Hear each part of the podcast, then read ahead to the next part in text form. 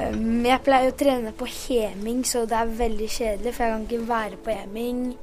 Så det eneste jeg har å gjøre nå, er egentlig å være ute i nabolaget eller være inne. Er dere engstelige for noe? Ja, for å bli smitta. De du nettopp hørte, var Fredrik og Andreas på 10 og 12 år. Jeg møter de utenfor huset deres og intervjuer de på to meters avstand. Pga. koronaviruset har de, som alle andre norske barn, hjemmeskole. Fotballtreninger er avlyst, og nesten alt er stengt. Hvor lenge skal det være sånn? Hvor farlig er koronaviruset? Og hva skjer fremover nå? Du hører på Juniorrådet, en podkast for barn. Jeg heter Synne og jobber som journalist i Aftenposten Junior. Vi har også med oss en ekspert, nemlig Per Arthur Andersen, som kaller seg for Helsebroren. Han skal prøve å svare på spørsmålene våre, men først skal vi høre fra brødrene med hjemmeskole. Hvordan er det å ha skole hjemme?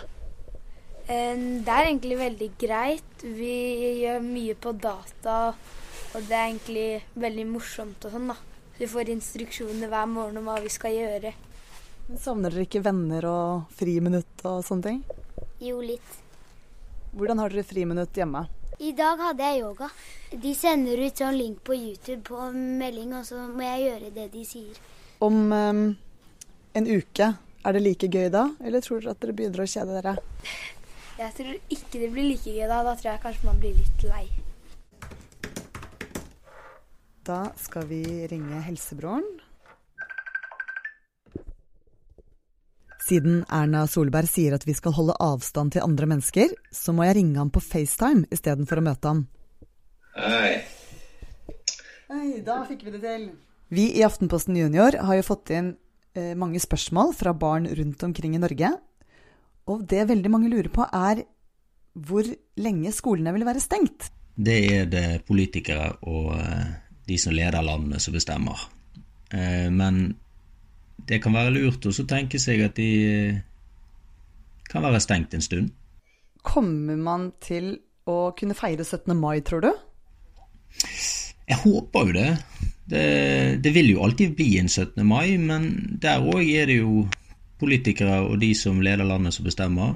Og uansett så tror jeg det kan være lurt å forberede seg på en litt annen type 17. mai. Ja, Hvordan da? Nei, Det kan godt være det at det ikke blir sånn stort tog, at det ikke blir så store forsamlinger av mennesker. Men å kunne ta på seg bunad, spise is og pølse og si hurra, det kan vi gjøre uansett. Hva med sommerferie? Får man reist på sommerferie? Sommerferie vil vi jo få, og forhåpentligvis så blir det jo en veldig fin sommer her i Norge. Der igjen kan det også være greit å tenke at det blir en litt annen type sommerferie. Kanskje det ikke blir reise til utlandet, men eh, ferie skal vi få. Ja, Mer sånn hjemmeferie, kanskje? Litt annerledes blir det nok. Er korona farlig? Bør vi være redde? Nei, vi skal ikke være redd. Det, det trenger vi ikke å være. Det er en grunn til at vi har alle disse, alle disse reglene på plass nå. Det er fordi at det kan absolutt være farlig for enkelte.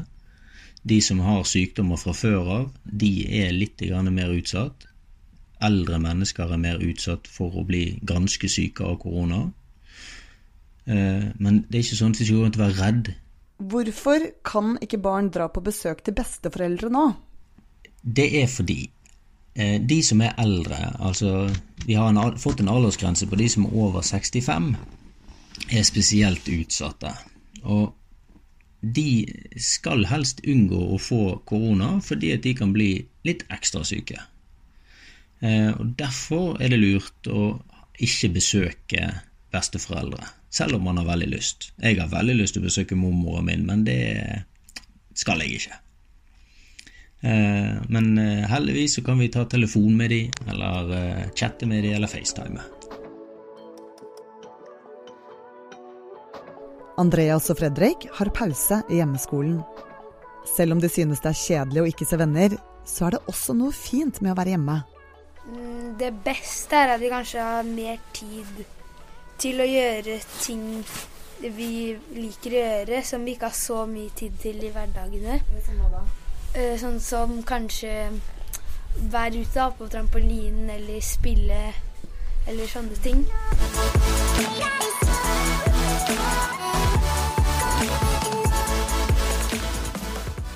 Du har nettopp hørt en episode av Juniorrådet, en podkast for barn laget av Aftenposten Junior.